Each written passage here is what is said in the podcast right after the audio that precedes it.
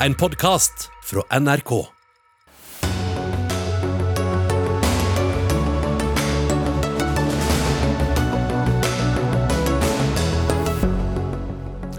Senterpartiets kvinner krever at også de får være med på å behandle varslingssaker i partiet etter Enoksen-saken. I dag er det nemlig én mann som har ansvaret for akkurat det. En russisk offensiv mot Øst-Ukraina kan være nært forestående. Vi snakker med vår reporter på bakken og med en ukrainsk flyktning som nå skal hjelpe andre ukrainere i Norge. Idet flere kommune- og fylkessammenslåinger gjøres om på, tar Høyre til orde for å fjerne fylkeskommunen og slå sammen enda flere kommuner. Og Jesus må vike for eh, påskekyllinger og påskehare i flere barnehager. Yay or nay? Velkommen til Dagsnytt 18 i den stille uke. Jeg heter Espen Aas. Og det ble iallfall ingen eh, stille helg i norsk politikk, i alle fall.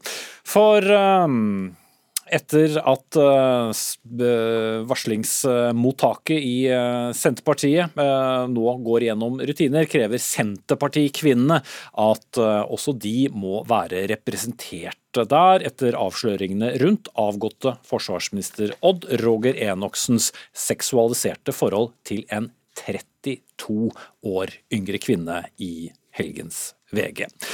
Wenche Skallerud, du er med oss på linje. Du leder Senterkvinnene. Hva er det som eh, konkret må endres når det gjelder varslingsinstituttet i ditt parti? Ja, Det vi har gjort i eh, sentralstyret i Senterkvinnene nå, er at vi ønsker at eh, det ikke bare skal være en generalsekretær, som i dag er en mann, men at det også bør være en kvinne som kan på en måte representere, skjønne hva en kvinne kanskje eh, er opptatt av. Også at uh, man ikke skal sitte med det ansvaret alene som mann. Mm. Så um, vi har bare sagt at det bør være en kvinne til, vi har ikke sagt hvem det er. Ville de varselsakene som har vært i Senterpartiet blitt fulgt opp annerledes, tror du, dersom ikke det bare var partiets generalsekretær som behandlet det? Det vet jeg jo selvfølgelig ikke. Eh, jeg har ikke innsikt i de sakene som har vært. Det har ikke vært så mange. Men poenget for oss er jo at eh, det at det er en kvinne som kan være med å ta imot varsler, gjør at det kanskje er flere som kan komme opp, og at den får litt bedre behandling, kanskje, muligens, mm. enn det som har vært i dag. Så i eh. det så ligger det jo en påstand om at vi skal på en måte sikre kvinner som sier ifra, i alle ledd. Sånn at man faktisk tør å varsle. Mm. Men i det du sier, så ligger det innbakt at eh, behandlingen av slike saker ikke har vært god nok, siden du ber om endring? Altså, når det kommer opp nå veldig gamle saker, så tenker jeg at da kan det jo tyde på at man ikke har følt den tryggheten for å si ifra. Og det her er jo også at uh, Senterpartiet har etiske retningslinjer som eh, er på en måte lette å forstå, burde være lette å forstå. Og vi tenker det at det er kjempeviktig nå at det blir bredt utover i organisasjonen, slik at alle som er politisk aktive og skal bli det, vet faktisk hva som står der og hva man skal gjøre i praksis. For det, det er jo rettslige og etiske grenser som gjelder for politisk maktutøvelse. Og det er klart at det, eh, det caset du snakker om, så er det det handler om makt. Og det er jo spesielt i politiske organisasjoner at det her med makt er spesielt. Fordi at i andre organisasjoner så blir det kanskje ikke det samme forholdet. Her er man veldig avhengig av makt for å komme seg fram. Da. Så det herre hva skal vi si, skolering om varsling og etikk det er kjempeviktig for oss nå i Senterkvinnene. og Det er derfor vi har, melder det inn som en sak til sentralstyret i Senterpartiet. Hvordan snakker dere om helgens store avsløring blant senterkvinnene? Nei, altså det Gjennomgående så er vi jo skuffa at det kommer sånne saker. Eh, og vi tenker at eh, hvis vi skal eh, fortsette et godt arbeid i vårt parti, så har også Senterkvinnene et ansvar for å løfte rutiner og måten vi jobber på, mm. og med hverandre også, slik at man skal føle den tryggheten. Wenche Skallerud, du er jo nyvalgt leder av Senterkvinnene, men du har jo vært med i partiet siden slutten av 70-tallet. Mm. Er du overrasket over at Senterpartiet nå får en slik sak? Ja, altså jeg kan bare tale for min del. Og det er at jeg ikke har opplevd det i, politisk, i mitt politiske arbeid. Um, altså, hva har du ikke opplevd? At, trakassering eller metoo, eller hva, hva, hva mener du konkret? Nei, jeg har ikke det. Jeg har ikke opplevd det. Så um, jeg har sittet både i kommunestyre og fylkesting og ellers uh, forskjellige posisjoner, men jeg har ikke opplevd det. Men det betyr ikke det at vi ikke skal gjøre noe med det her. Mm. Vi skal lage tydelige retningslinjer. Det er det som er poenget vårt nå i Senterkvinnene. Anja Sletteland, førsteamanuensis ved Oslo OsloMet med oss i studio. Du har skrevet to bøker om både seksuell trakassering og om metoo. Til VG sier du at det bør stilles svært konkrete spørsmål til folk som vurderes og utnevnes til statsråder eller ministre. Hva slags spørsmål da? Ja, altså Poenget i seg selv er vel ikke egentlig at det skal være så veldig konkrete. Det er mer eh, hvilket bakteppe som skal ligge for de spørsmålene. Eh, det er kanskje viktig å begynne med å understreke at Eh, man gjør ingen noen tjeneste ved å ikke gjøre en skikkelig grundig jobb med en bakgrunnssjekk. Fordi det er langt verre å eh, bli evig kjent for en skandale enn for å gå glipp av en statsrådspost. Eh, en annen ting som er veldig viktig å tenke på når man, man gjør sånne intervjuer, dette er faktisk veldig sensitive spørsmål. Det å drive og grave i noens historie om problematiske forhold, og kanskje spesielt når det gjelder seksualitet. Um, så da blir det på en måte viktig i, i samtalen at man jobber med å senke terskel for å snakke, og kanskje til og med hjelpe personen å huske. Eh, og I denne eh, den boken som heter det jeg skulle sagt om bok mot seksuell trakassering, så har vi et veldig viktig prinsipp, som er at det er eh, lov å drite seg ut, men ikke være en drittsekk.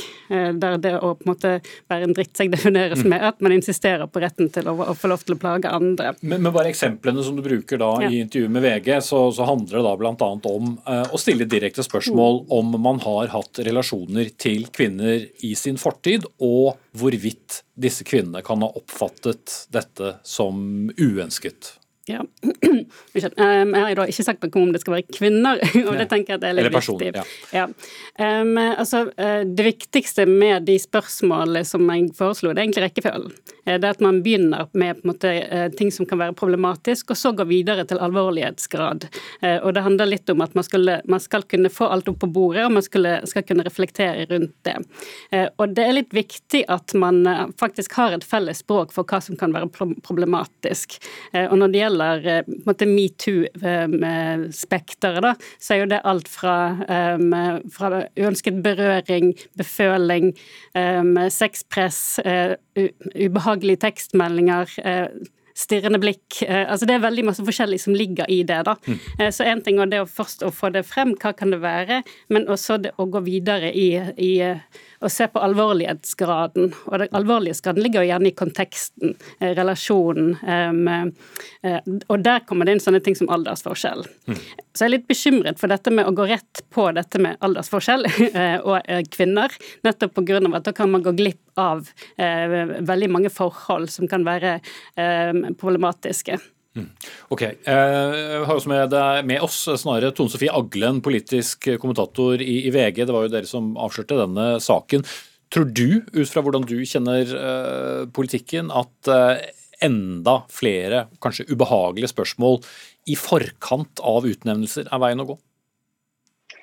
Nei, jeg er blitt litt usikker på det. I kampens hete så er det nok lett å tenke at det er denne vettingprosessen det er noe galt med, at man ikke har stilt nok og og nok inngående spørsmål. Jeg, jeg tror vel kanskje at det er et uh, sidespor. Egentlig er det jo bare ett spørsmål som er uh, viktig for en statsråd. Der har du noen ting i bagasjen din som kan gjøre deg uegna, som kan svekke tilliten til deg eller til regjeringa. og hva slags sak det er, det vil jo variere over tid.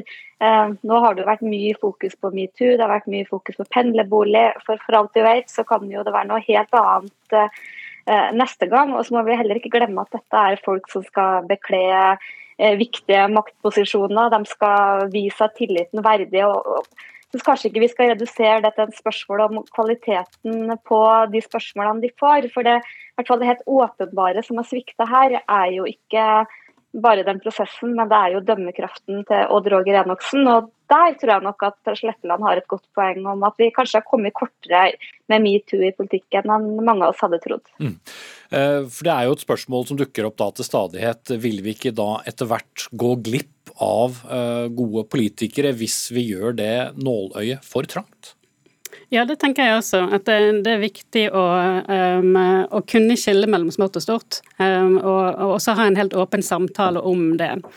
Uh, og at det også skal være greit å få lov til å komme med, med kritikk mot statsråder som ikke nødvendigvis fører til at de blir felt. Altså, det er noe med, uh, med uh, det finnes mange ulike kritikkverdige forhold som har ulikt resultat. Eh, men når det kommer til dette med altså, selve intervjurunden, så er jeg for så vidt enig med Tone Sofie om at man kan henge seg litt opp i kvaliteten på spørsmålet. Så jeg tenker kanskje kvaliteten på intervjuet kanskje er noe man heller skal snakke om. Eh, fordi når man stiller spørsmål, så kan man eh, også følge med på hvordan resonnerer denne personen. Hva, får man ut av altså, Hvor oppmerksom er denne personen på sin egen makt? Hvordan forvalter denne personen sin egen makt? Uh, ut, ut, av på en måte eh, altså, De fleste har noe problematisk i sin bagasje, eh, sånn er det på en måte bare. Eh, men hva er det denne personen sier om det, mm. og har lært av det? Og, og Tone Sofie Aglen, også for partiledelse kunne kanskje dette gjort ting lettere? For i flere saker, både rundt statsråder, som du er inne på, men også stortingsrepresentanter, så kommer jo ting frem over tid, og ikke med en gang.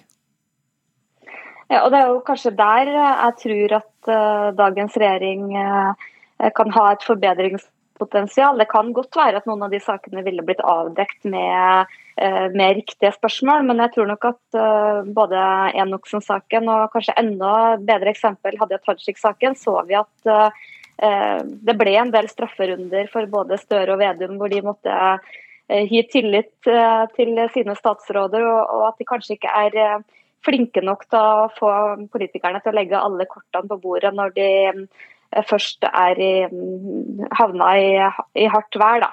Så tror jeg nok at det her er også litt sånn uttrykk for hvor langt partiene har kommet. Jeg tror Arbeiderpartiet er et parti som har jobba mye med metoo, som har hatt mange runder både på varsling og de hadde jo veldig mye den samme debatten som Senterkvinnene nå løfter opp Eh, for fem år siden. Nå har kanskje turen kommet til Senterpartiet, og jeg tror nok at det er litt varierende hvor mye partiene faktisk har eh, reflektert eh, de her problemstillingene. Mm. Sjetteland, klarer vi å lage et godt nok hva skal vi si, oppsett med, med spørsmål og oppfølginger? For ingen saker er jo nødvendigvis like. Noen saker kan handle om kvinner internt i et parti som eh, føler seg seksuelt trakassert. Enoksen-saken, så var det en kvinne utenfor, uh, osv. Ja, altså det, jeg tror nok ikke man kan ha noen oppskrift, nettopp pga. at sakene er såpass ulike. Eh, så det, man må nok heller fokusere litt på hva som er målet med det.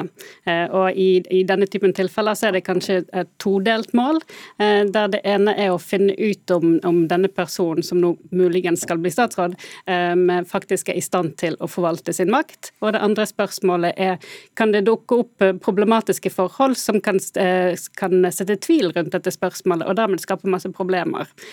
Og det å på en måte finne ut av hvordan det skal kunne håndteres og være litt i forkant, det kan i hvert fall hjelpe et stykke på vei. Mm.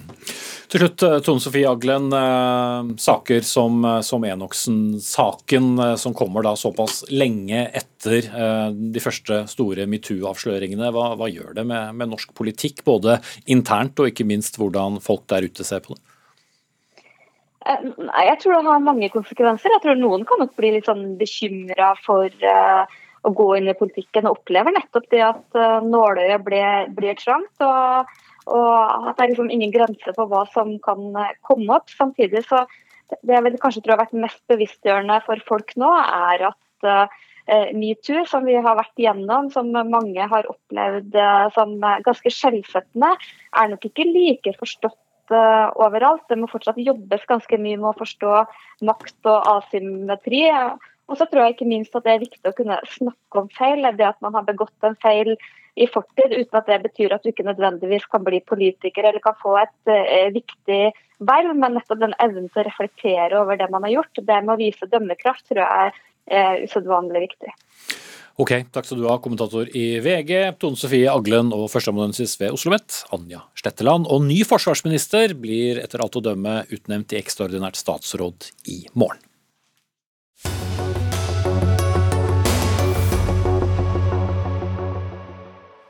Russland skal nå nesten ha ferdigstilt forberedelsene til en nært forestående offensiv mot Øst-Ukraina. Det melder det ukrainske forsvarsdepartementet i dag. Og dette angrepet, konsentrert mot øst og sør, har vært ventet en stund nå, etter at Putin trakk ut styrkene fra området rundt Kiev og har begynt å omorganisere. Joakim Reigstad, vår reporter eh, i eh, Ukraina. Du er med oss fra Odessa, den største havnebyen i, i sørøst. Eh, det ventes altså en, en russisk offensiv. Hvor mye vet vi om denne? Ja, Det er jo vanskelig å si, men man tror jo at eh, det første målet som de russiske styrkene vil ha, det er å faktisk få full kontroll over havnebyen Mariupol. Der har det vært veldig eh, mange kamper. Det har vært veldig eh, lang beleiring i mange uker. Sivilbefolkningen har lidd veldig.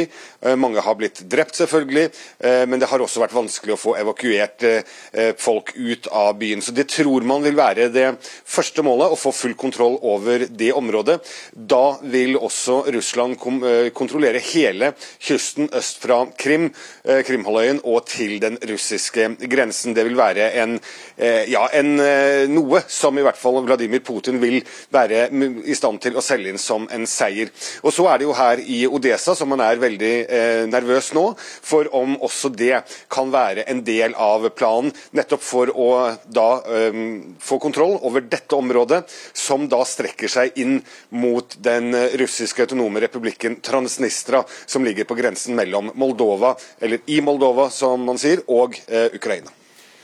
Det er hva som ventes eh, i øst og, og sør. Joakim Reigstad, situasjonen i resten av eh, landet. Vi hører jo stadig rapporter om, om, om flyalarmer og generell uro. Ja, det har, De siste rapportene nå sier at i Vest-Ukraina har det vært ganske lite aktivitet det siste døgnet.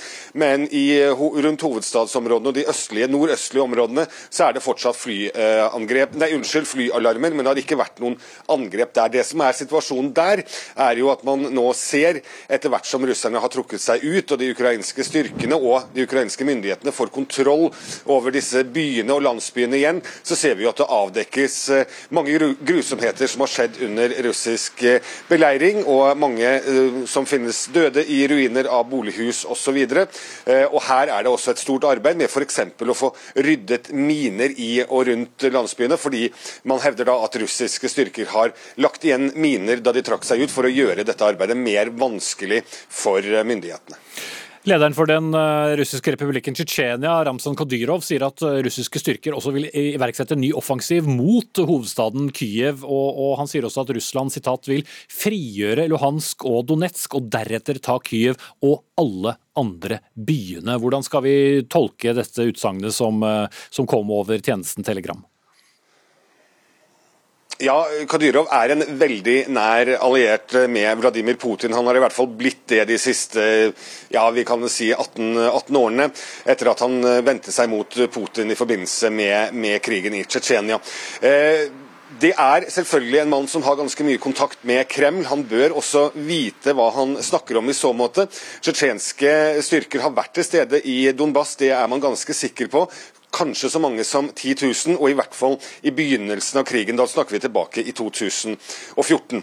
Men informasjonen fra Kadyrov stemmer også overens med det viseforsvarsministeren her i Ukraina har sagt tidligere, at eh, hun og eh, regjeringen her i Ukraina ikke tror at Putins ambisjon om å okkupere hele eh, Ukraina er over, og at det kan komme nye angrep andre steder i Ukraina også, men at nå i første fase vil det være Donbas-regionen som er hovedmålet for de russiske angrepene. Takk skal du ha, Joakim Reikstad fra Odessa. Og så skal vi til Stavanger. Der sitter du, Katerina Jevsejtsjik. Du er ukrainsk, bodde og levde ditt liv i hovedstaden Kyiv. Eh, inntil krigen kom, hvor du, flyttet, eh, hvor de flyktet først til eh, Lviv, men da bombene også kom dit, flyktet du videre til Norge. Du bor nå på Jæren, og for de som snart måtte begynne å lure på hvorfor du snakker så godt norsk, så har du lært deg det tidligere på eget initiativ etter ferier her i Norge. Mange ble kjent med deg gjennom avisen Nasjonen, som laget en reportasje om din flukt. Når du hører rapporter som den som Joakim Reikstad nettopp leverte om hva som kan komme. Hvordan forholder du deg til de? Um, det er litt vanskelig å svare på det. Um, ja, um, det er helt forferdelig i Mariupol, og uh, jeg føler bare redd for at det samme kommer til Odessa, fordi Odessa er en veldig viktig by for Ukraina, for, for historie, for kultur. Og jeg bare føler veldig redd for byen, fordi ja, det er fantastisk. Og hele situasjonen om eh, Kyiv også, fordi det gjelder meg veldig, veldig mye. Familien blir fortsatt i Kyiv, så um, ja, uh, disse um, ja, informasjon om Kyiv, også om mulighet at det er mulig å angrepe Kyiv igjen, det også gjør meg å føle ja, redd. Mm. Det er det som vi alle føler i dag. Så. Katarina, sist gang du var i Norge før nå, da var du her på, på ferie. og Nå er du her som flyktning. Eh, fortell kort om den lange reisen fra eh, Ukraina hit. Så um, Vi startet fra Lviv. Uh, det var tog fra Lviv til uh, Przemysl i Polen. Og etterpå det var buss som var arrangert eh, ja, av frivillige fra her, fra Norge. Um, så de kjørte oss uh, her til Stavanger-området, og uh, ja, siden det bor jeg her. Mm. Du har også fått vite at du skal begynne å jobbe på en norsk ungdomsskole, hvor du skal hjelpe til med ukrainske elever, siden du behersker begge språk. Hva slags forventninger har du til det, og hva tenker du om også å møte langt yngre eh, mennesker enn deg selv, barn som, eh, som, har flyktet fra det samme landet? Uh, ja, det er sant. Skal, ja, etter påske skal jeg på ungdomsskole, og jeg forventer utfordringer. Fordi det er sikkert masse trauma. og ja, Så elevene som hadde det veldig rolig i Ukraina, plutselig må starte på nytt. Og ja, det er nytt språk, ny kultur. Og jeg gleder meg til å hjelpe dem, fordi jeg er ikke norsk, jeg er ukrainsk. Men uh, jeg tror at jeg kan, kan hjelpe litt med å adaptere, tilpasse til uh, samfunnet. Og jeg håper at det går bra med dem, fordi uh, elever i Ukraina er veldig flinke med å kanskje tilpasse selv til forskjellige kulturer. Um, ja, og det, det, er bra i denne situasjonen, fordi um, de kan Jeg tror at de finner ja, fred her, og det skal hjelpe òg. Hmm. Du er jo en, en, en, ung kvinne med det aller meste av livet foran deg. Klarer du i hele tatt uh, å forsøke å se inn i fremtiden når du ikke aner hvor langt norgesoppholdet ditt blir denne gang, sist gang, kunne du reise hjem når ferien var over? Uh, kan du gjøre spørsmålet, da? Som en ung kvinne, hvordan klarer du å tenke på fremtiden? Det som kommer, om hvor lenge du kan måtte bli her, og når du tror du kan reise hjem igjen? Det er veldig vanskelig å svare på det òg, for det er helt avhengig av situasjonen i uh, Ukraina. Um, så uh, det er også avhengig av um, det som blir i Norge òg. Uh, Selvfølgelig vil, vil, jeg gjerne komme tilbake, fordi øh, Ukraina er hjemlandet mitt. Og ja, det er én ting så Jeg er veldig glad i Norge, og jeg liker å besøke Norge. Um, men det er stor forskjell mellom uh, besøk som turist og besøk som flyktning. Og jeg håper at en dag skal det bli helt mulig for meg å komme tilbake til Kyiv, til uh, mitt hus, og det ikke blir så ja, uh, så og så langt. Mm. Um, så ja, det er håp. Lykke til med arbeidet med, på ungdomsskolen, Katarina Jevsejczyk, og takk for at du delte dine tanker og historier med oss i Dagsnytt 18 og vårt publikum.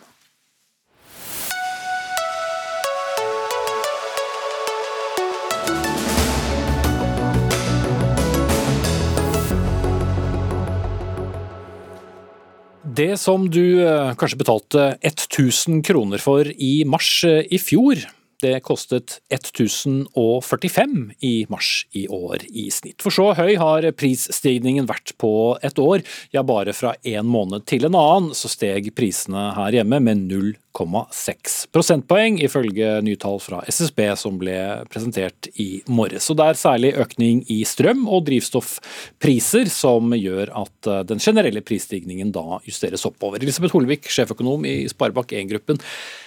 At prisen stiger med 0,6 prosentpoeng, det høres jo umiddelbart ikke så dramatisk ut? Nei, men det er på én måned. Så hvis en ser på årsveksten, så nærmer vi oss nå en årsvekst på 4,5% Og det er klart, det skyldes disse sjokkene som vi står i nå, med krigen i Ukraina. At vi har eh, veldig høye strømpriser, energipriser, og at en del av disse logistikksystemene har brutt sammen. Vi får ikke varene just in time, slik som vi vant til. Og da begynner ting å balle på seg. Og en skal huske at det er bare to måneder siden krigen brøt ut. Og um, vi sliter fortsatt med kostnadseffekten av korona. Uh, jeg tror vi vil se, når vi går litt tid, uh, så vil vi se at uh, disse prispressene som kommer fra veldig mange kanter nå, det vil være langvarige prispress. Og så vet vi jo at eh, Norges Bank eh, ønsker jo å ha prisveksten under kontroll, og de vil jo egentlig ha den nå ned på under det halve av hva den er. Og Betyr det at eh, Norges Bank nå faktisk må sette opp renten raskere enn de har annonsert? Ja, det tror jeg. Og hvis du ser til USA, så har jo de nå mest sannsynlig vil de heve renta med et halvt prosentpoeng i mars. Så um, jeg tror eh, sentralbankene og myndighetene de stimulerte enormt kraftig gjennom koronakrisa. De holdt rentene på null, de trykte penger og brukte veldig mye penger over statsbudsjettene. Så det fyrte på en måte opp eh, prisveksten. Og det var jo en situasjon før eh, krigen kom. Og så har en fått et sjokk som på lang sikt kan bli ganske alvorlig. Fordi vi ser tendens til en todeling av verden, der en ikke lenger kan stole på eh, Russland eller Kina, eller du må ha mer kontroll på leveransene. Vi ser at eh, energi kan bli ekstremt dyrt. Hvis det blir eh, kutt i gass til Europa, så kan en stå foran en virkelig energikrise. Så dette er uoversiktlig, det er usikkerhet. Og da vil mange bedrifter velge å flytte produksjonen nærmere. De vil ha større lager, og de vil være mer forsiktige. Og mange har jo nå eh, De selger jo varer som ble kjøpt inn før krigen. De har kontrakter som ikke er mulig å endre på. Så at prisveksten når vi går litt framover, eh, det vil nok komme opp. Og da må en dempe aktiviteten med å holde opp renta for å dempe økonomien. Um, og det er klart det, det, er jo fristende at alle vil ha høyere lønn, men hvis alle får høyere lønn, og det skyldes at det er mangel på vare, så vil det bare forsterke problemet. Mm. Og Vi er jo i gang med, med lønnsoppgjøret. Frontfaget som ble ferdig, mm. sikret jo da en, en, en lønnsøkning på, på 3,7% som altså mm. ligger godt under det inflasjonen ligger på, på, akkurat nå.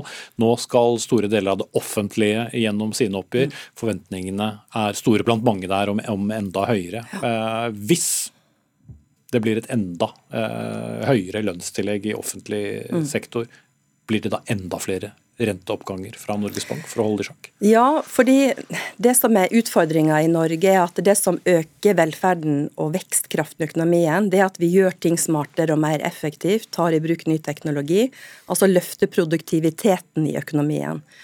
Og Dessverre så er produktivitetsveksten i offentlig sektor veldig lav. Og når vi nå har fått en stor offentlig sektor, og lønningene stiger overalt, så vil det svekke svekke hele konkurransekraften for hele norsk økonomi. Så jeg tror vi må være litt nøye med å tenke og holde fast i at vi skal være konkurransedyktige eh, overfor andre land og overfor Kina når vi nå skal inn i det grønne skiftet. Vi skal bygge opp ny produksjonskapasitet, vi skal gjøre oss mer robuste for nye sjokk, for det kommer. Det vet vi. Vi stopper der. Elisabeth Holvik, sjeføkonom i Sparebank1-gruppen. Så skal jeg nevne noe som kommer litt eh, senere i sendingen. For Høyre ber regjeringen få opp farten med en lov som skal kriminalisere visse typer falske nyheter og påvirkning av samfunnsdebatten. Men det kan bære helt galt av sted, advarer kommentator og pressenestor Harald Stanghelle, altså litt senere i sendingen.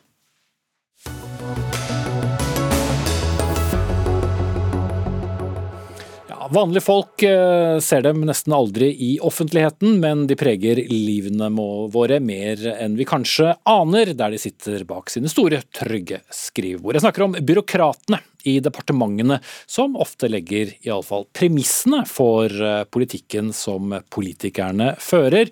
Men fagligheten deres er under press. Det skriver du i en kronikk i Aftenposten og i en ny bok som kommer ut om norsk byråkrati. Norsk byråkrati kan det bli bedre, som den heter. Eva Hildrum, nå pensjonist, men du har mange år bak deg i byråkratiet, som vi sier da, bl.a. som departementsråd i Samferdselsdepartementet. Men for å gripe tak i dette med fagligheten, hva betyr det at den er under press? Ja, altså Du kan jo si det sånn at hvis fagfolk ikke får tid til å gjøre jobben sin ordentlig, så vil jo det skape problemer i alle organisasjoner. det. Da får du kanskje feil beslutningsgrunnlag, du kan fatte feil beslutninger. Og i et departement som sitter på toppen på en måte av samfunnsstyringen, hvor man arbeider for en statsråd, så kan det hende at hvis ikke, hvis ikke, fagligheten har god nok plass, man ikke får bruke den tiden på langsiktige, mer analytiske ting som man trenger, så kan man komme i skade for å lage et beslutningsgrunnlag som ikke er godt nok. Mm. Men hva er det som truer denne fagligheten? Ja, Det er, det er sånne som deg. Men eh, altså, det som truer fagligheten i dag, det er nok at samfunnet er blitt veldig komplekst, og ting går fryktelig fort. Og vi har en veldig, vi har en medieoffentlighet som på en måte går eh, døgnet rundt på mange flater, både her i redaktørstyrte medier som du holder på med, men også sosiale medier. Og belysningen på statsrådene og personfokuset på dem, det gjør at større deler av departementet i dag enn før arbeider med å rett og slett svare ut presse og media. Det er ikke bare dette. altså det er Samfunnet i seg selv komplekst. Det kommer opp mange flere vanskelige saker litt fortere enn før, mm. tror jeg vi kan si. Så, så det betyr at det faglige grunnlaget som det da vedtas politikk på, er svakere nå enn før? Jeg tror kanskje ikke vi kan si at det er svakere nå enn før. Vi har et veldig sterkt uh, embetsverk i Norge, men jeg tror nok at vi kan si at det kortsiktige veldig ofte overstyrer det langsiktige. Og da har du en risiko for at det kan skje. Så den kronikken min den er nok litt sånn varsko her. Den eh, betyr ikke at nå, nå, nå går det helt galt overalt, det gjør det slettes ikke, men presset er veldig stort. Kristin Clemet, eh, leder i den liberale tankesmien eh, Civita, og også tidligere eh, statsråd. Du er enig i at fagligheten er under press. Hvor truende er dette for, for samfunnet med, med, med et slikt press på fagligheten? Altså, vi har et veldig godt embetsverk i Norge, og det er veldig viktig for å opprettholde det liberale demokratiet vi har, hvor det er viktig at man har en god rolleforståelse mellom politikk og fag, og at vi vet hvordan makten skal deles. Men Eva Hildrum er ikke den eneste som sier at denne fagligheten er under press. Eh, jeg tror alle som eh, arbeider i departementene de vet hva det formelle utgangspunktet er. og Det er at det er politikerne som bestemmer. Det er de som har instruksjonsmyndighet. Vi lever i et demokrati. Og så har de en lojalitetsplikt, og de skal være politisk nøytrale. Men samtidig skal de forfølge noen byråkratiske idealer. Om grundighet, om langsiktighet, om at politikken skal være mest mulig kunnskapsbasert. Om at saker skal utredes. Og Det er dette som Eva Hildrum sier, som er satt under press fordi tempoet er blitt så høyt. Altså, da jeg var statsråd første gang, så kom, var det liksom Dagsrevyen, og så kom det ut papiraviser en gang i døgnet. Men nå er det døgndrift i mediene. De setter i mye høyere grad dagsorden for politikerne. Uh, og, det er mye, og Man kan også si at vi har fått en utvikling i Stortinget som når vi har mindretallsregjeringer, som jo vi har veldig mye, som fremmer mange såkalte anmodningsvedtak eller fremmer forslag som leder til vedtak, og som eh, på en måte belegger eh, ressurser i departementene i ekstremt stor grad, en ganske, på en ganske uheldig måte. Så, så, så jeg mener altså, Eva Heldum skriver interessant i kronikken sin at embetsverket blir veldig veldig opptatt av å, å ikke stille statsråden i forlegenhet. Jeg tror vi politikere, eh, nå er ikke jeg politiker nå, men vi som er politikere, også bør anstrenge seg for ikke å stille embetsverket i forlegenhet. Jeg skulle til å ta opp det med deg, Hildrum, nettopp den der lojaliteten som, ja. som uh, byråkratene fører la, til enhver tids sittende statsråd. Det kan jo bli mange gjennom en, en, en karriere. Uh, hva slags konflikter kan det potensielt føre til om man ikke føler den eh, lojaliteten? Nei, altså Hvis du ikke er lojal mot din statsråd, og statsråden mister tillit til deg, ikke, ikke vil høre på det du sier, tror at du ikke har, ikke har noe å komme med, ikke, ikke, hjelper han, da kan du egentlig ikke jobbe i et departement i det hele tatt. Den lojaliteten den henger helt sammen med den tilliten som statsråden har til deg. Sånn at, eh, Men den er, den er, jeg tror nok lojaliteten er blitt sterkere og sterkere, kanskje litt på bekostning av faglig integritet. Du ser sjeldnere nå sterke embetsmenn av typen e. Karl Evang eller Tormod Hermansen som liksom står frem og er den embetsmannen som gir sine råd også til andre enn statsråden. Nå er det et veldig stor vekt på at din lojalitet går til statsråden, og dine råd skal gå til statsråden, og det skal være internt. Og det må det faktisk være, for hvis du går ut i samfunnet uten, uh, uten lov, holdt jeg på å si, så befinner du deg plutselig i et politisk landskap hvor du ikke skal være som byråkrat. Du skal forstå det politiske landskapet, det skal du, men du skal ikke selv agere politisk, og Nei. den balansen er ganske vanskelig. Ja, og, og Clemet, eh, kan også da byråkratiet, om ikke ødelegge, så i hvert fall eh, stikke kjepper i hjulene for, for en statsråd? Det kan det, men det er nesten en teoretisk problemstilling fordi vi har et veldig veldig godt embetsverk. Men det jeg tror er litt av utfordringen for statsråder, det er også utvikle en eh, kultur som inviterer til åpenhet og til å få også ubehagelige faglige råd. Eh, altså at Man må be om at alt kommer frem. Og så er det opp til politikerne til slutt å fatte beslutningene eh, oppå, oppå all denne fagligheten og kunnskapen. Skal man også legge verdier, politiske holdninger og politiske programmer. Og det er helt legitimt, men det bærer galt av sted hvis man ikke først har dette kunnskapsgrunnlaget. Så det, eh, Husk på det, når en statsråd kommer inn i et departement, så står det 100, 200, 300, 400 mennesker der helt klare til å hjelpe deg. Men de kan bare hjelpe deg hvis du er åpen, og hvis du inviterer til en, til en dialog som ikke sanksjonerer dem som også kommer med litt uh, ubehagelige faglige råd, for å si det sånn. Mm. Vi burde selvfølgelig snakket om uh, løsninger uh, også. Det ble mye problembeskrivelse, men herved er problembeskrivelsene servert. Takk til Eva Hildrum, tidligere departementsråd blant annet i Samferdselsdepartementet, og leder av tankesmien Civita, Kristin Clemet.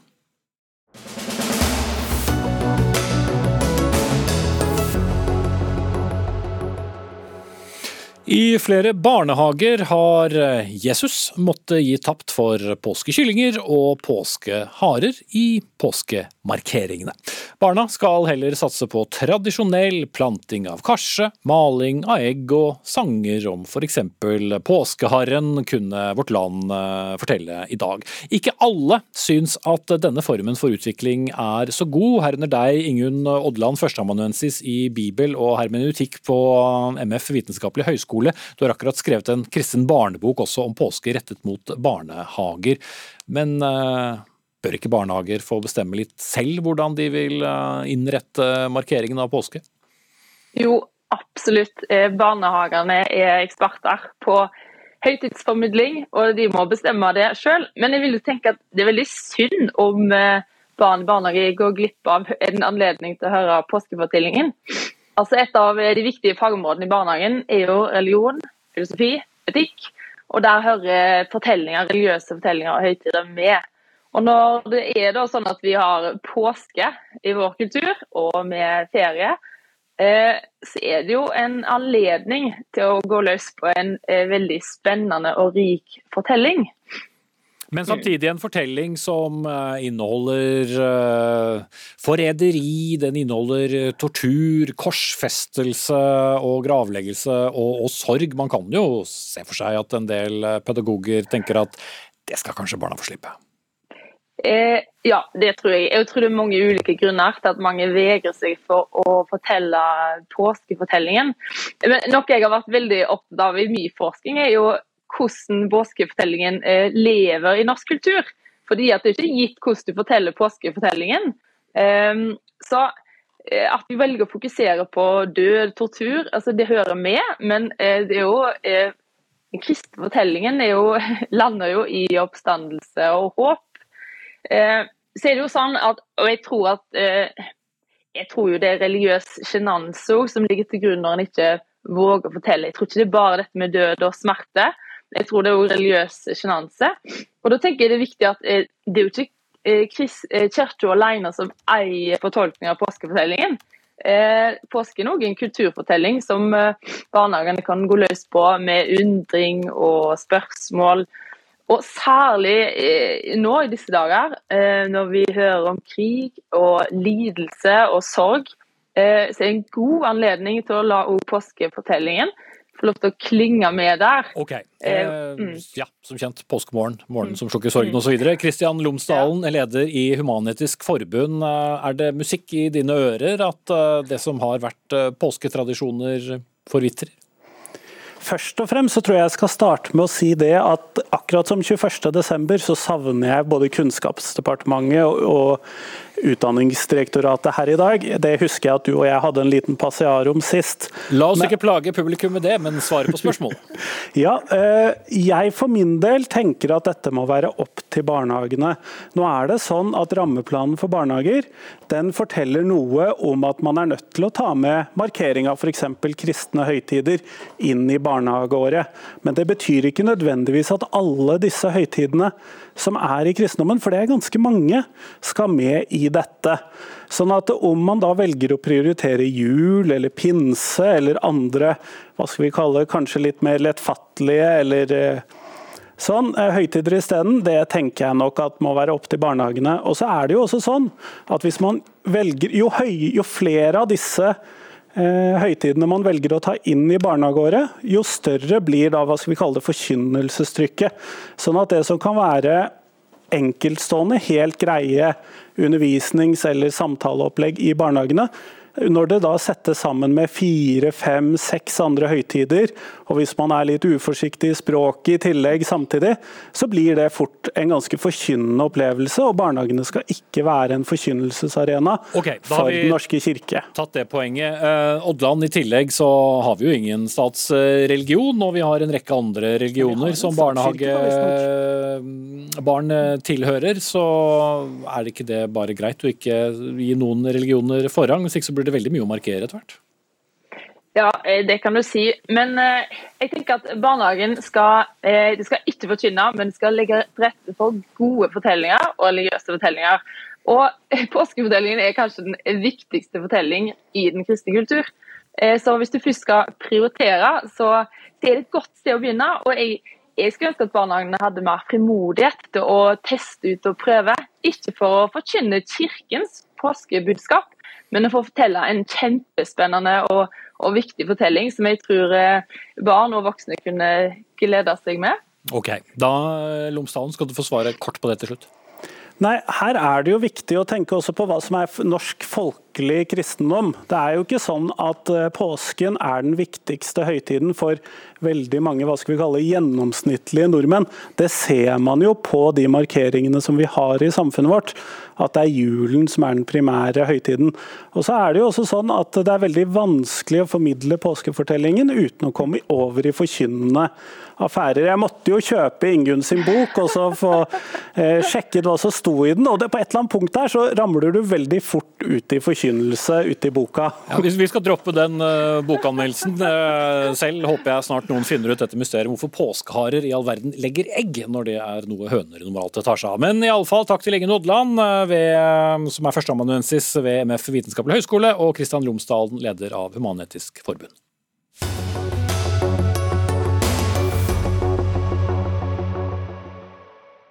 Som vi har vært inne på utallige ganger i Dagsnytt 18, en rekke sammenslåtte fylker eh, er i ferd med å slutte med det, nemlig å bli splittet opp i stedet. Men de som trodde at det eh, var det siste vi kom til å høre om kommune- og regionreformen til Solberg-regjeringen, de må kanskje tro om igjen i disse påsketider. For ifølge VG satser Høyre nå på enda øh, større på å ikke ha noen fylkeskommuner, og også enda færre og større kommuner i tiden som kommer. Noe du har reagert på, kommunal- og distriktsminister Bjørn Arild Gram fra Senterpartiet.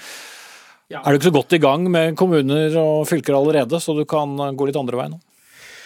Ja, altså, det, det, er jo så kort tid etter den forrige runden nå hvor eh, høyreregjeringa har brukt ulike former for tvang for å få større enheter. og Det er jo grunn til å reagere på det. Burde kanskje heller ikke være overraska, for det er jo egentlig ganske gjenkjennbar høyrepolitikk om å ha store og få enheter og, og, og stordrift og sentralisering, og det er jo et uttrykk for det. Mm. Og dere mener det motsatte? Det ja, absolutt. Og når det gjelder fylkeskommunene, så vil jeg jo si det at eh, de har jo veldig viktig oppgave i samfunnet vårt, som er litt, faktisk litt undervurdert i, i, i debatten. Eh, med, med, kollektivtrafikken, fylkesveier, videregående skoler, tannhelse osv. Hvorfor kan ikke store kommuner gjøre det i stedet? Ja, altså, Hvis du virkelig skal legge ned fylkeskommunene, som jo vil være et veldig unntak i europeisk sammenheng De aller fleste landene vi kan sammenligne oss med har jo minst tre forvaltningsnivå. Men hvis du skulle gjøre det, så ville det ført til to ting. Det ene er at du må ha svært store kommuner for å kunne ivareta de oppgavene. Altså en massiv kommunesammenslåing. Eh, pluss at du antallet må flytte noen oppgavene tilbake til eller over til staten og sentralisere oppgaveløsninga. Så Det er absolutt ikke oppskrift å anbefale. Mm. Men altså, Kapur, stortingsrepresentant og kommunalpolitisk statsperson i, i Høyre. Ut fra all applausen for den forrige runden med fylkeskommuner og kommuner, var det riktig timing å begynne å snakke om dette igjen nå? Ja, øh, vi skal være gjenkjennelige på våre standpunkter. Vi mener at øh, fylkeskommunen bør legges ned, og at vi helst bør ha to nivåer. Eh, forvaltningsnivåer i Norge. Men på veien dit så er det en del viktige ting som må skje. Det er jo det arbeidet eh, vi satte i gang i regjering. Vi må huske på at eh, nå er det nesten 1,7 millioner mennesker som bor i en sammenslått kommune. Enn så lenge siden? Eh, nei, på, på, kommunenivå så mener jeg faktisk at det har vært en, en god suksess. Og det er eh, vel bare én kommune som har sagt at de ønsker å reversere den reformen. Og på fylkeskommunene så er jeg jo, som jeg også har sagt tidligere, ganske skuffet over at regjeringen velger nå å bruke hundrevis av millioner kroner på å legge de ned, mm. istedenfor å fortsette til, da, men, utviklingen. Uh, men det viktigste da for oss nå fremover er jo, altså på veien dit, det, det er jo å sørge for at kommunene kan levere bedre tjenester og få større kompetansemiljøer. Og Istedenfor å sitte på hver sin tue og ofte ikke greie å levere disse oppgavene, så mener vi at reformen bør fortsette. Og I tillegg til det så bør kommunene også få anledning til å få flere oppgaver. Bl.a. gjennom å prøve å forsøke å f.eks. sånn som man gjør i Danmark, at kommunene kan uh, få større ansvar for hvordan de løser oppgavene sine. Mm. Så Det er snakk, snakk, om både å slå de sammen uh, og få til den gode dialogen på at de gjør det, men også gi dem mer frihet til å løse oppgavene okay. sine. Og, og er, vi snakker jo både fylkeskommuner og kommuner. Dere slo jo sammen var det 72, uh, eh, eller i hvert fall 72 færre kommuner har vi nå enn, enn da dere tiltrådte. Og så er det fylkeskommunene som på en måte er en annen skål. Men er det ikke litt kjapt å begynne å reversere det som knapt eh, rakk å begynne å virke, før vi slår fast at det ikke virker? Det eh, Ap-Senterparti-regjeringa har eh, gått inn for, det er å gi de, de, fylkeskommunene og kommunene som ble sammenslått med tvang, en mulighet til å velge å løse opp hvis de ønsker det. Og Vi har sett at det er stor uro i mange av de kommunene og fylkeskommunene som ble tvangssammenslått. og Vi har lagt til rette for å stole på lokaldemokratiet. Det er en anbefaling som vil gi til Høyre òg. Stol mer på lokaldemokratiet. Bygg heller opp under kommunene og fylkeskommunene som står i ganske krevende, tøffe valg. Jeg har vært ordfører sjøl i mange år og vet hvor det er givende, men det er veldig krevende. og I stedet så velger man da å ikke stole på lokaldemokratiet, men bruke tvang. For, mm. Men det er ikke så mange kommuner som vil oppløses, da? Nei, det er en som har bedt om det. Da har vi gitt dem en mulighet til å vurdere det. For det, jo, det krever mye å løse opp på. Det er jo ikke, vi, det er ikke det man ønsker å bruke tida på. Man ønsker å drive utvikling og utvikle tjenestetilbudet. Det er jo det man primært har ønska å, å, bruke kreftene sine på. Men nå rydder vi opp etter Solberg-regjeringa og gir dem som ønsker det, en mulighet til å løse opp. Mm. Burde det da bli flere tvangssammenslåinger? Jeg, jeg syns eh, spørsmålet er litt uh, litt uh, tabloidvridd. Fordi altså, enten velger jo kommunen dette nei, selv, eller så velger staten. At vi må starte debatten helt annen ende. Det viktigste vi gjør, er å sørge for at kommunene setter i stand til å levere bedre tjenester og ha sterkere kompetansemiljøer. Jo, men Du må ha en mening på om det skal være en tvangssammenslåing eller ikke. Og Vi mener at det beste måten å få til det på, er gjennom dialog. Men det sier jo litt om den nye regjeringen eh, når det viktigste kommunale og fylkespolitiske dokumentet som kommer fra denne regjeringen i det første stortingsåret som har gått, det, en, det vil være en stortingsmelding fra statsråd Gram om å reversere fylkeskommunene. Jo, Det har vi allerede snakket om, men jeg ville bare ha et svar på om det er staten eller kommunene selv som skal bestemme om de bør slås sammen. For eh, det kan jo ta litt lang tid hvis man skal gjennomgå kommunen? Det er uten tvil først og fremst kommunene selv som bør eh, føre den dialogen. Vi skal legge til rette for at de kan ha den dialogen. Så var det noen få unntak i forrige periode hvor man måtte inn med tvang. Men det viktigste bærende prinsippet gjennom hele kommunereformen har vært frivillighet, og at man får flytte tjenestene nær folk, større kompetansemiljøer og mer utvikling. Og av de som da ikke ønsker tvangssam- tvangsoppløsning, eller oppløsning er det jeg prøver å si, av de kommunene som ble slått sammen eh, i, i forrige runde, hvis det viser seg at dette både fungerer med tjenester og man sparer penger på det, hva har det da å si om vi slår sammen enda noen? Poenget er at de skal få gjøre den vurderinga sjøl. Jeg vil også si det at eh, selv om det er en del av det tvangssammenslåtte nå som da ikke søker oppløsning, så betyr ikke det at dette er uten smerte. Det er ganske stor uro i flere av de kommunene fortsatt. Og jeg syns det er en helt feil måte å håndtere lokaldemokratiet på, at man ikke stoler mer på det. Altså, det er jo det mest grunnleggende valget du kan ta. det er å liksom ta stilling til din egen eksistens, egentlig. Eh, snak, Høyre snakker om frihet, vi skal slippe kommunene mer fri. Og så, og så starter man da med å si at vi skal fortsette å vurdere tvangssammenslåing. Jeg synes jo Det er det motsatte. Det er et dobbelt budskap, i hvert fall. Og par, litt over 200 dager inn i denne regjeringens tid, så er vel kanskje Høyres eh, drøm om eh, å kvitte seg med fylkeskommunen og få færre kommuner eh, ja, litt langt unna? Nå, nå har jo egentlig denne regjeringen satt hele fylkesstrukturen i spill gjennom den reverseringen de nå holder Jo, på men med. det dere ønsker, ja. fremstår kanskje som noe langt unna. Nei, men også, vi, Det er ikke noen tvil om at vi ønsker å legge ned fylkeskommunen, men på veien dit så er det en del faktorer som må på plass. og Det viktigste der er at kommunene fortsetter samtalene sine, arbeidet med reformen. Passe på at vi får flytte tjenestene enda nærmere folk. At kommunene kan bygge større kompetansemiljøer, og ikke minst levere enda bedre tjenester. Og Så håper vi at vi på sikt da også eh, fører til at vi også kan legge ned fylkeskommunen. Veldig Det mange av de kommunene ønsker nå ikke gå tilbake til til, som til neste stortingsvalg. Eh, Mudassar Kapur, stortingsrepresentant fra Høyre, og Bjørn Arild Gram, eh, kommunal- og distriktsminister fra Senterpartiet.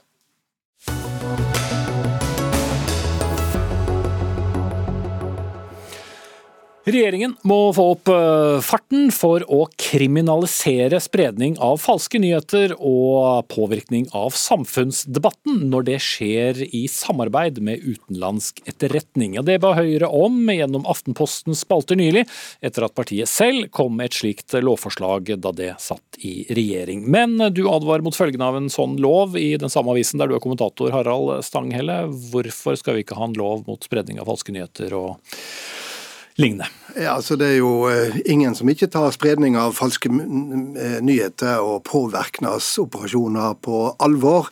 Men jeg er veldig redd for å få eh, paragrafer som ikke er konkrete nok, som gir et vidt spillerom for tolkning, for skjønn. For her er vi inne på ei gråsone. Hva er legitim politisk virksomhet og politiske oppfatninger, og hva er å gå i et annet lands eh, tjeneste? Men hva ville vi miste da, ved å få vedtatt en slik lov? Jeg tror at eh, det kan være en lov som er en invitasjon til misbruk. Vi eh, lever jo i dag i et eh, relativt nøkternt politisk klima, et nøkternt debattklima. Men fra nær norsk historie så vet vi f.eks. til hvordan uhygga under den kalde krigen ble misbrukt til å forfølge folk på venstresida. Igjen ut ifra en slags god hensikt, men eh, det er noe med at ei lov den skal ikke bare holde i noenlunde nøkterne tider, den skal også stå sin prøve i tøffere tider, da samfunnstemperaturen kan være mye mer intens enn den er i dag. Mahmoud Farahman, du er stortingsrepresentant fra Høyre. Hvorfor skal regjeringen få opp farten med dette arbeidet nå? La meg innlede med å si at jeg, jeg deler dine bekymringer og forstår de godt, eh, Harald. Eh, Det som er litt av tanken her, er altså at vi må ha et verktøy for å kunne eh, forfølge og straffeforfølge de som bevisst på vegne av en fremmed stat iverksetter påvirkningsoperasjoner. Det, det er, det er, der tror jeg vi er ganske enige at der må det være noen rammer. Det, som jeg også tror vi skal være klar over at EOS-utvalgets rapport kom ut her om dagen, det viser et velfungerende Som er de som holder ja, ja, ja. oppsyn med de hemmelige tjenestene, for de som tror på det? Ja. At vi har et velfungerende etterretning og sikkerhetsapparat i Norge. Vi har etterretning og sikkerhetstjenester som jobber innenfor de rammene de har. Og for at loven skal kunne fungere optimalt, så er det jo selvfølgelig at den skal være klar. Samtidig så må vi også ha en viss mengde av checks and balances, så det ikke er fritt fram. Eh, jeg tror ikke vi skal ta for gitt denne typen altså ta dette, disse påvirkningsoperasjonene eh, Oppføre oss naive overfor det, for å si det sånn. Det vi ser i forkant av invasjonen av Krim, eh, er at det foregikk en massiv påvirkningsoperasjon fra russisk side. Det vi ser i forkant av denne krigen her, er samme. Mm. Påvirkninga på bl.a. valget i USA. Og de, men, men skal staten definere da hva som er falske nyheter og ikke? Nei, altså det er ikke staten som skal definere det, men vi skal kunne ettergå individer og grupper og entiteter som på vegne av en fremmed stat sprer falsk informasjon eh, eller driver med aktiv påvirkningsoperasjon. Det, det er det som det er vi er. Stangel. Altså, Det siste vi trenger er naivitet. og Jeg tror ikke det er så veldig mye naivitet eh, hos verken meg eller andre som har vært kritiske til dette eh, forslaget. Eh, det som er viktig å ha klart for seg, er at de som bevisst går inn i et samarbeid med et annet lands etterretningstjeneste for å påvirke eller villede norsk opinion, ja, der har vi allerede paragrafer som gjør at de kan straffeforfølges. Det som en nå tar sikte på, eller som Høyre ønsker å innføre, det er noe mye videre enn det. Og men det er vel også fordi det ikke er et lovverk på plass for den fremveksten av falske nyheter? Det er for så vidt riktig, men hvis du går i et annet lands tjeneste, eh, altså etterretningstjeneste, hvis du går i det, så er det straffbart allerede. Og La meg ta et konkret eksempel kort. på eh, forsøksvis eh, kort. Altså, Faktisk.no har eh, avslørt at steigan.no har spredd eh, russisk propaganda, f.eks fra nettsteder som Southfront og, og Newsfront. Mm. Altså steder som gir seg ut for å være uavhengige, men som er mer eller mindre styrt av russisk etterretning. Et sånt lovforslag kunne gjort det straffbart og videreformidle analyser fra disse stedene. Jeg mener det er helt feil. Det er, altså at, om det er feil eller ikke, kan vi ikke diskutere. Men, men, når man opererer på veiene av en annen stat, så har vi et lovverk som ivaretar spionasje, etterretningsvirksomhet. Men dette snakker vi om påvirkningssporet. Det vi ser i Vesten nå, er at vi ligger altså laglig til hugg for stater, ikke bare Russland, men Iran, Nord-Korea og Kina. Og disse her er aktive. Så vi må ha et rammeverk for å kunne ivareta det. Og så er jeg igjen ikke fre Jeg forstår bekymringene, men vi må ha dette rammeverket, og så må vi sette i stand checks and balances for å kunne stoppe og forhindre at dette sklir helt ut.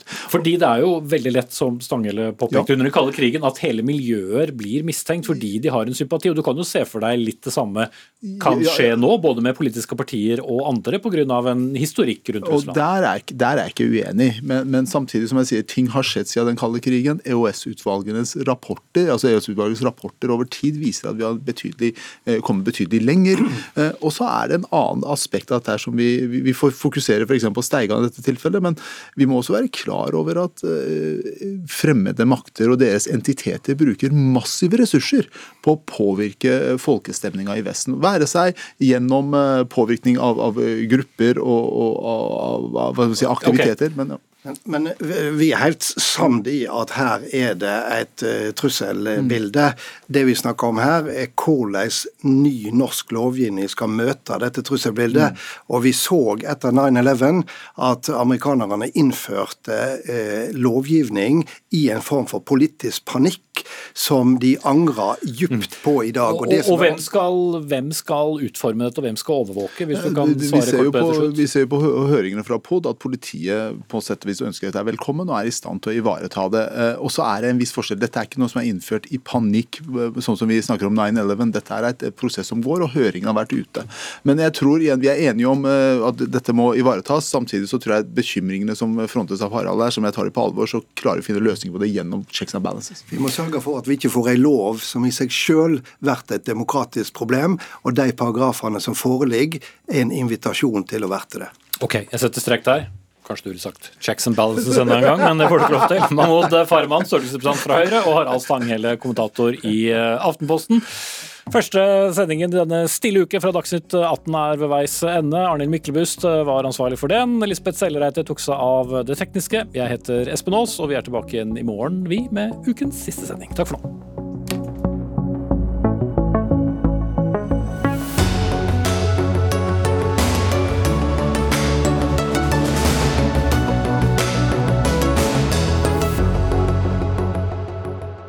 Du har hørt en podkast fra NRK. Hør flere podkaster og din favorittkanal i appen NRK Radio.